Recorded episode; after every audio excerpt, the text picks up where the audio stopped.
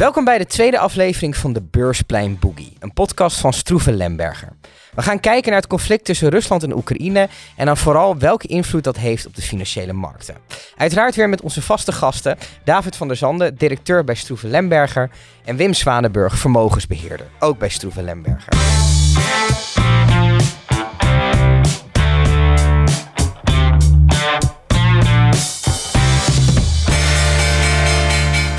Heren, welkom beiden.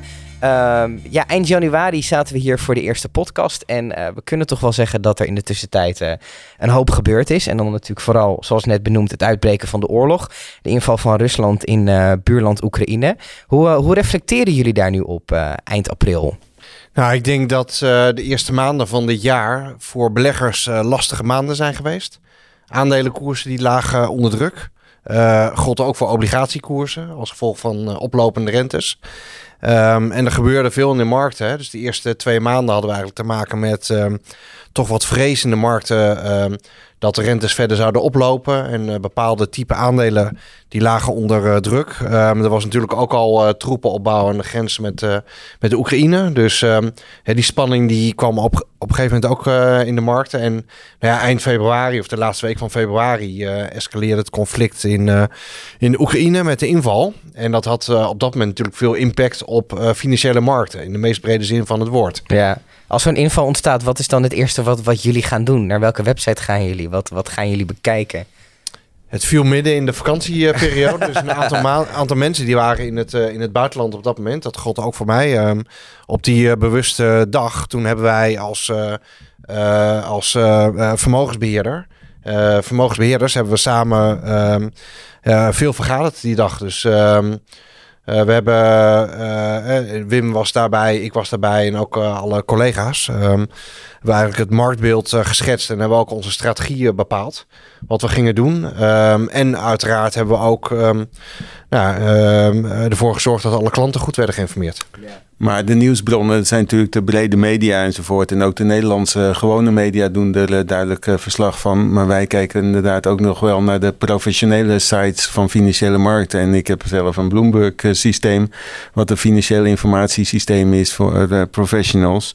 En ja, dan zit je natuurlijk naar de koersen te kijken. En een eerste initiële schrikreactie is altijd het geval als er zo'n oorlog uh, uitbreekt.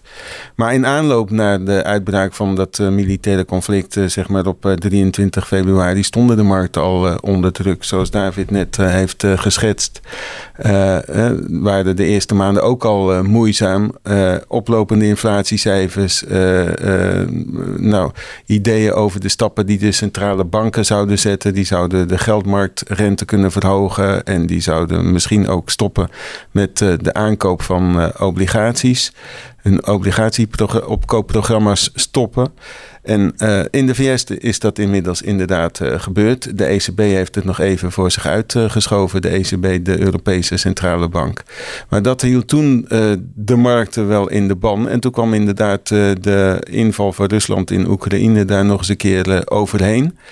Uh, en 8 maart hadden we eigenlijk een echt uh, dieptepunt in, in de markt. En ja, het is misschien verbazingwekkend. Maar sindsdien hebben vooral aandelenmarkten hebben zich zelfs hersteld. En vooral ook de Amerikaanse aandelenmarkt. Daarbij ook nog eens een keer een beetje geholpen door de koersstijging, de appreciatie van de dollar. Dus teruggerekend in euro's betekent dat dat je dat nog extra rendement in, incasseert. Uh, uh, Europese markten die hebben meer onder druk gestaan, omdat uh, de Europese ondernemingen die hebben ook meer blootstelling aan zeg maar ja, het zaken doen met Rusland en met Oekraïne en natuurlijk ja, ook altijd nog de dreiging van energieafhankelijkheid. Dat ja, mogelijk ofwel uh, nadere sancties worden getroffen, of dat we uh, geen Russisch gas meer uh, af willen nemen, of dat Poetin zelf misschien ook de gaskraan dichtdraait. Nou, daar is de Duitse industrie bijvoorbeeld wel zeer van afhankelijk. Dus dat heeft een potentieel negatief effect op de Duitse en Europese economie. En beleggers kijken altijd vooruit. Dus die schrikken daarvan en, en geven reactie. Amerikaanse economie en Amerikaanse multinationals... die hebben veel minder blootstelling tegenstelling aan Rusland. En ja, die beurs heeft zich eigenlijk heel goed, goed gehouden. Dus, dus verplaatsen jullie dan ook beleggingen naar Amerika toe? Of? Dat is wel een van de acties die we hebben ondernomen. We zetten nooit hele grote stappen, maar uh, zeg maar een soort voorkeur. En uh, we, we, hebben in onze belegging wel enigszins het uh, baken verzet. Maar we, maken sowieso goed gespreide aandelenportefeuille... waarbij we op een heleboel factoren letten. En eh, zowel Amerikaanse als Europese multinationals zijn eigenlijk steeds meer global companies. Nou, maar ja, er zijn natuurlijk uh, meerdere markten in, in, in de wereld. Maar Amerikaanse aandelen die hebben wel een hele grote plaats in onze portefeuilles. Ja, um, even een stapje maken naar de inflatie. Hoe kijken jullie tegen het huidige inflatiebeeld aan? Nou, we hebben als beleggers al een tijd te maken met hoge inflatiecijfers. Uh, beleggers kijken ernaar, maar consumenten merken dat ook in toenemende mate natuurlijk. Op het moment dat je aan de pomp staat of naar de supermarkt gaat, dan zie je dat de prijzen van energie en voedsel hard zijn opgelopen. Dus hoe wij daar als beleggers naar kijken. Ehm, begin dit jaar hadden we de visie dat ehm, de inflatie zou gaan pieken dit jaar. En dat we daarna rekening zouden houden met uh, inflatiecijfers die aanmerkelijk lager zouden liggen dan wat we hebben gezien. Wij gaan er nog steeds vanuit dat we ergens in de nabije toekomst een piekinflatie zullen hebben. En dat daarna de inflatie zal gaan afzwakken. Maar door de ontwikkeling in Oekraïne is dat moment is dat wel verder op in de tijd geschoven. Dus die termijn wordt die ook onvoorspelbaarder nu? Ik denk dat het uh, onvoorspelbaarder wordt, omdat, um, en dat is ook het punt wat Wim net aanhaakte. Natuurlijk niet, je kunt, als, uh, je kunt moeilijk een projectie maken van hoe exact de toekomst eruit gaat zien als het gaat om energie. En er gaan natuurlijk geluiden op in, uh, in West-Europa om uh, geen olie en geen gas meer te importeren vanuit Rusland. Ik denk dat dat voor bepaalde landen een echte doodstek zou zijn voor de industrie. Duitsland alleen al kijkt naar Duitsland. Ja. Dat is heel erg afhankelijk van Russische olie en Russisch gas. Dat zou voor bepaalde type bedrijven zou dat, uh, zou het rampzalig zijn. Ja. Dus ik denk niet zelf denk ik niet dat het zo snel zou gaan gebeuren. Maar momenteel zijn natuurlijk wel um, is het een levendige discussie. En met name van ja, hoe, uh, minder, hoe, hoe, kunnen we onszelf minder afhankelijk maken van uh, olie en gas uit, uit Rusland. Dan even terug naar inflatie. Ik denk wel dat je kunt stellen dat inflatie gaat afzwakken. En dat wordt niet alleen door ons gezegd. Dat zie je ook dat verschillende ehm, um, gerenommeerde bureaus in de markten dat, uh, dat zeggen. Ja. Alleen de vraag is van waar, gaat dan, uh, de waar zal de structurele inflatie um, uh, ongeveer naartoe gaan. Ja. Dus het is, dat is wel een vraagteken. Ik denk dat de risico's nu wat groter zijn dan aan het begin van dit jaar. Moeten beleggers zich daar zorgen om maken? Nou, inflatie is natuurlijk het uh, proces van continue prijsverhogingen, prijsstijgingen. Uh, dat gaat er op een gegeven moment wel uit, maar prijzen kunnen hoog blijven. En uh, dat kan natuurlijk dan ook de consumentenbestedingen gaan raken. consumenten houden gewoon minder koopkracht over. Die inflatie die was ook al aangewakkerd doordat niet alleen olie en gas, de, zeg maar de energiekosten hoger waren, maar ook doordat er tekorten waren aan onderdelen. En uh, uh, dat de logistieke ketens uh, haperden. Hè. wat we nu nog niet hebben aangestipt is dat ook in China nog steeds problemen zijn met COVID, hè, met de coronavirus. En dat dat ook daar de productiecapaciteit en ook de vervoerscapaciteit raakt. En dat heeft wereldwijd ja, tot, tot rimpels en tot effecten geleid. Dus um, dat duurt voort en het hele inflatieprobleem is hardnekkiger dan we zeg maar aan het uh, begin van dit kalenderjaar hadden ingeschat. Uh, toch uh, zijn we nog steeds van mening dat die inflatiecijfers uiteindelijk wel gaan, gaan, gaan dempen. Nou, tegelijkertijd hebben de centrale banken, met name die in de VS, hebben al actie ondernomen. En nou, mede daarmee samenhangend en ook met die inflatiecijfers, is wereldwijd de rente fors gestegen. En nou, dat heeft allemaal wel zijn, zijn effect op financiële markten. En daar zijn we natuurlijk als professionele beleggers continu mee bezig. Je ziet nu dat aandelenmarkten toch nog steeds heel goed doen. Maar obligatiebeleggers die hebben dit jaar wel uh, verliezen geleden. En ook in brede portefeuilles, als je gespreid bent over obligaties en aandelen en eventueel nog andere vermogenscategorieën. Ja, dan heb je dit jaar wel een aantal verliezen geleden. Ja, even een klein stapje terug. Je zegt die rentes die lopen op. Ehm, wat kan de centrale bank daaraan doen? Nou, de vraag is natuurlijk uh, of, of de uh, centrale banken echt het rentewapen kunnen inzetten hè, om uh, de economie af te koelen en daarmee zeg maar de inflatie te bestrijden. Of dat nu die inflatie eigenlijk een andere oorzaak heeft, namelijk een externe schok. Hè, we hadden eerder al tekort aan, aan onderdelen, tekort aan vervoercapaciteit en dat soort dingen. Ja, dat zijn toch eigenlijk toch wel een beetje tijdelijke factoren, maar die vloeiden voort uit de afgelopen twee jaar van de, van de coronacrisis. Nou, en uh, ja, nu komt daar uh, de oorlog nog weer uh, extra over, overheen. Ook dat is weer een externe schok. als de centrale banken de rente verhogen, dan komen niet ineens de energieprijzen omlaag. En de economie kan sowieso al wel stagneren of, of, of afkoelen, ook als gevolg van die hogere energieprijzen. Dus wat echt het effect is. Eh, daarom twijfelt ook de Europese Centrale Bank. Want als zij namelijk nu nog extra de rente gaan verhogen en uh, ja, ook al stoppen met hun aankopen van obligaties. Ja, dan zijn zij ook beducht voor extra paniekreacties in, in de markt. En dan krijg je vanuit de financiële markten ook een effect op de reële economie. En dat wil de ECB toch voorkomen. Aan de andere kant, de rentes, de geldmarktrentes, die waren heel laag. En dat vloeide voort uit eerdere steunoperaties, onder andere de renteverlaging die de centrale banken doorvoerden toen eh, de coronavirus, uh, de coronacrisis uitbrak. We moeten natuurlijk toch een beetje op termijn terug naar laten we, wat we aan kunnen duiden als normale renteniveaus.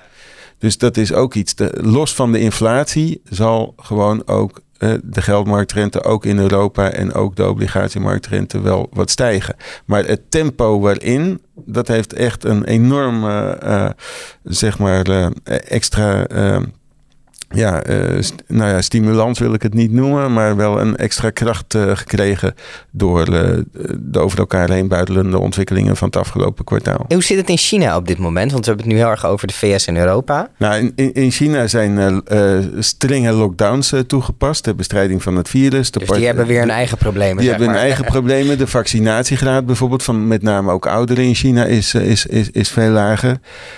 en ja, China is nog wel een, een zorgenkindje voor de financiële markten. De, de markten stonden daar om andere oorzaken ook wat uh, onder druk. Onder andere de regulering van de grote technologieondernemingen in, in, in China. Nou, er komt nu nog uh, daar de opvlakking, opflakkering van het coronavirus en de lockdowns overheen. Maar uh, ja, uh, China komt van erg hoge groeiniveaus af en die zijn nu ook wel lager. Maar ook daar denken we wel dat dat, dat uh, tijdelijk zijn. Waar je als belegger altijd wel voor beducht bent, is dat inflatie en andere uh, factoren die onzekerheid creëren, dat die uiteindelijk het niveau van economische activiteit gaan dempen. En daarmee ook zeg maar de omzetcijfers of de winstgevendheid en de winstmarges van het bedrijfsleven onder druk zetten. En dat zou ook niet goed zijn dan voor aandelenmarkten.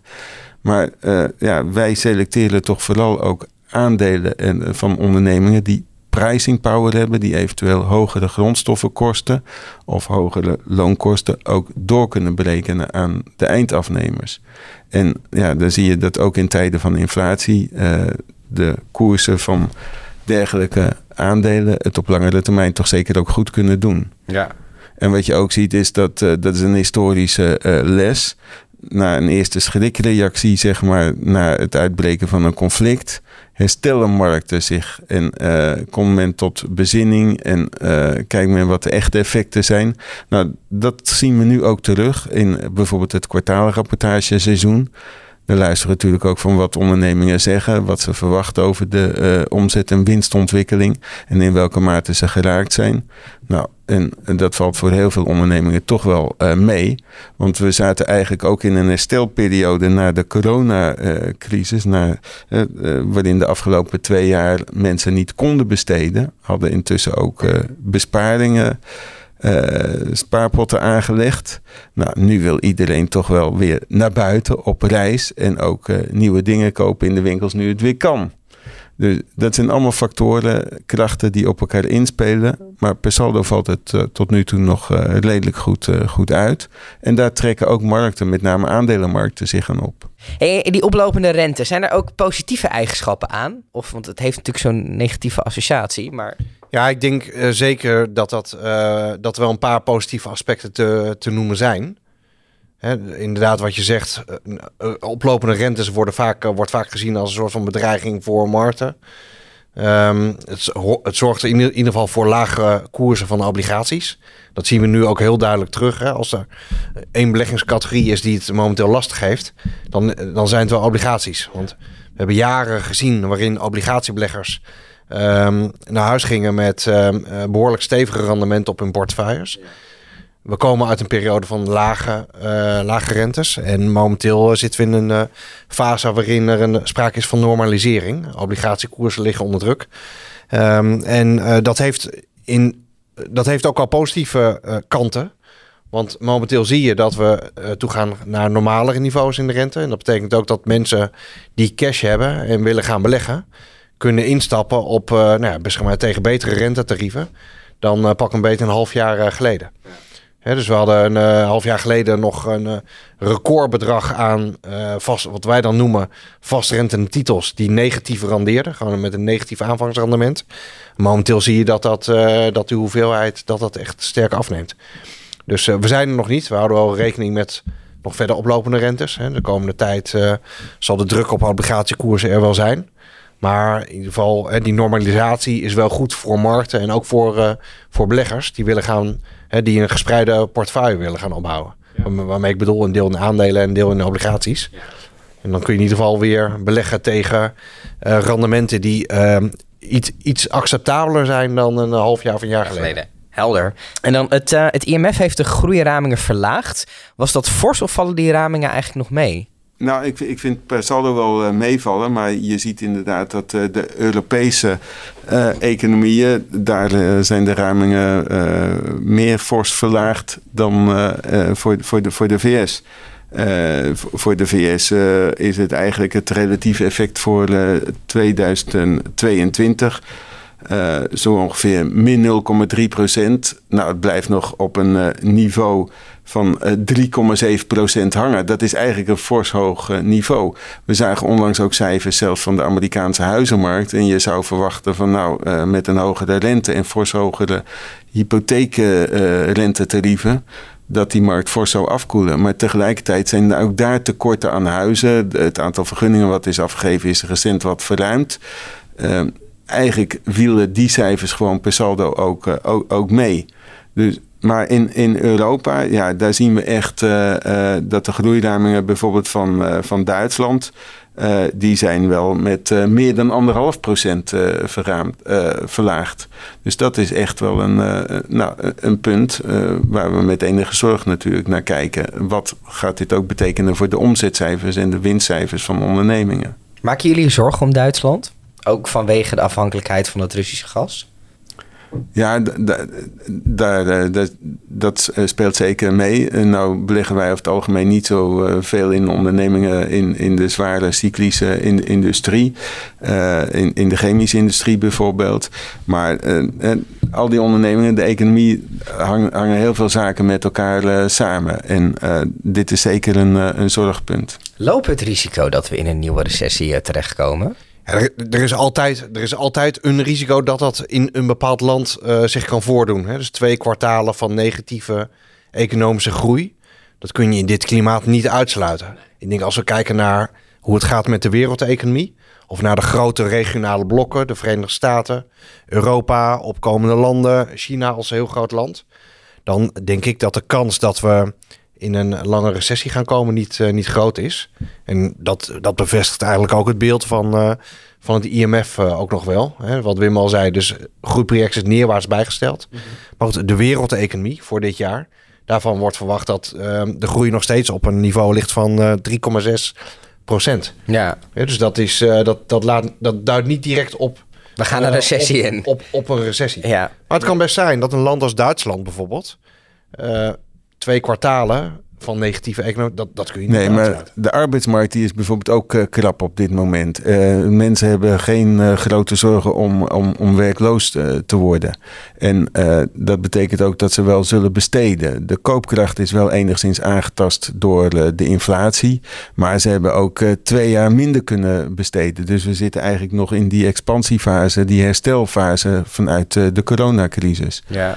Dus uh, voor de korte termijn denk ik toch dat de kans uh, op, op een recessie eigenlijk uh, betrekkelijk gering is. Zij het dat die in Europa wel groter is dan, dan in de VS. Maar je zegt wel dus eigenlijk die, die herstelfase waar we het toen in de vorige podcast over gehad hebben, na twee jaar corona. Het is niet zo dat, dat de uitbraak van die oorlog ervoor zorgt dat we niet meer in die herstelperiode zitten. Daar zitten we eigenlijk nog gewoon uh, nog steeds wel, uh, wel, wel in. Maar de onzekerheden zijn wel uh, toegenomen. En uh, ja, uh, alleen de blootstelling aan, aan, aan specifieke risico's uh, van zaken doen met Rusland zijn gering. Maar goed, misschien dat we op termijn toch wel wat van bijvoorbeeld de sancties gaan, gaan voelen. ook ondernemingen die zeg maar exporteerden naar Rusland zien natuurlijk nu zeg maar hun omzet terugvallen. Maar per saldo op de totale wereldeconomie of op de totale Europese economie valt dat wel mee eigenlijk. Is het ook dat er opportunities zijn in deze situatie? Het, is, het is natuurlijk wat wrang. Zo'n oorlog, dat, dat heeft negatieve effecten. Maar het zorgt er ook voor dat... Hè, dus eh, de uh, verschillende overheden die hebben nieuwe investeringen aangekondigd. Hè, Defensie is natuurlijk een uh, bepaald aandachtsgebied. De energietransitie krijgt hiermee een extra boost. We zien ook, er zijn veel vluchtelingen, wat verschrikkelijk is voor die mensen. Het humanitaire leed in Oekraïne is, is enorm. Um, maar er zijn ook al mensen die komen deze kant op en die vinden hier weer werk. Ja. Dus dat is ook voor de arbeidsmarkt in de westerse landen is dat, is dat weer goed. Uh, dus, um, ja, dus er zijn, en er zijn opportunities. En ik denk dat die met name ook liggen. Hè, als we kijken, we zitten natuurlijk in een fase waarin uh, specifieke industrieën uh, sterk opkomen. Wim, uh, Wim weet veel over disruptie en technologie. Maar ik denk energietransitie, daar hebben we het net over gehad. Ja. Zijn natuurlijk specifieke Digitalisering, ja. dat is een trend die sterk doorzet. En, en om maar eens één specifieke sector te noemen, cybersecurity aandelen. Ja. Nou ja, eh, digitale veiligheid van hackers, eh, die kunnen ook uit het Westen komen. Maar dat staatsterrorisme, zeg maar, wat ook eh, digitaal wordt toegepast om in het Westen de infrastructuur en, en om ondernemingen plag te, te, leggen, dan moeten we ons tegen wapenen. Nou, dus die cybersecurity aandelen, die hebben het ook bijzonder goed, goed gedaan. En ja, zo zijn er uh, tal van uh, uh, factoren en sectoren die, waar de trend zich ook wel doorzetten. Ik noemde al digitalisering. ja, e-commerce zal zeg maar qua tempo misschien wat terugvallen. nu we niet meer te maken hebben met de coronacrisis. Maar sowieso was dat een lange termijn trend. Die ja. kreeg alleen tijdens de coronacrisis nog eens een keer een extra impuls. het, het, het, het digitale karakter van de economie, de, van de dienstverlening, dat zal toch uh, de komende jaren ook uh, een blijvend kenmerk zijn. En interessante beleggingscategorie dus. Uh, daar zitten zeker ook hele interessante beleggingen tussen. En nou, de technologiegrootmachten, die ondernemingen, die namen kennen we allemaal. Maar er zijn er ook wel wat, wat, wat, kleinere die, die opkomen en van die trends profiteren. Ja. Um, afsluitend, de groeiaandelen die liggen onder druk. Wat, hoe is het perspectief daar? Nou, het punt is dat zeg maar, uh, veel van die technologieondernemingen zijn eigenlijk niet echt met vreemd vermogen gefinancierd. Dus daar zit de rentegevoeligheid eigenlijk niet zo in van de hogere financieringskosten. Maar aandelenmarkten zijn verdisconteringsmachines om het even uh, aan te duiden en misschien wat ingewikkeld te formuleren. Maar een aandeel is eigenlijk zeg maar een berekening van de toekomstige waarde van de kaststromen. En het contant maken, dus van de toekomst naar nu terugrekenen, dat moet je doen tegen een bepaalde rentevoet. En als die rentevoet oploopt, betekent het dat die verder weggelegen kaststromen gewoon nog minder waard zijn. En bij groeiaandelen is er eigenlijk vooral vooruitgelopen op toekomstige winstgevendheid. En dan is een hogere rente dus echt wel een uh, tegenwindfactor. en dat zien we de laatste uh, maanden dus terug op de, op de aandelenmarkten. Maar ja, tegelijkertijd is het wel wat, wat ingewikkeld. daar verduidde dat al aan. Er is disruptie. veel nieuwe ondernemingen, ook technologieondernemingen, hebben nieuwe business models, hebben nieuwe distributiemethoden, waardoor oudere ondernemingen eigenlijk qua uh, business model onder druk komen te staan.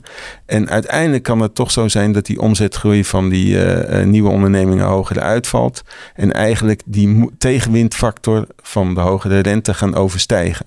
Dus wij hebben er toch vertrouwen in uh, dat zeg maar, de perspectieven van groei, aandelen, groeiondernemingen, technologieondernemingen wel goed blijven. Maar we moeten wel even over deze rentehobbel heen. Ja. Heren, uh, dank jullie wel. Uh, meer van dit in jullie kwartaalvisie. Die staat inmiddels online op uh, stroevenlembergen.nl. En de precieze link die staat ook in de beschrijving bij de podcast. Bedankt en tot de volgende. Graag gedaan.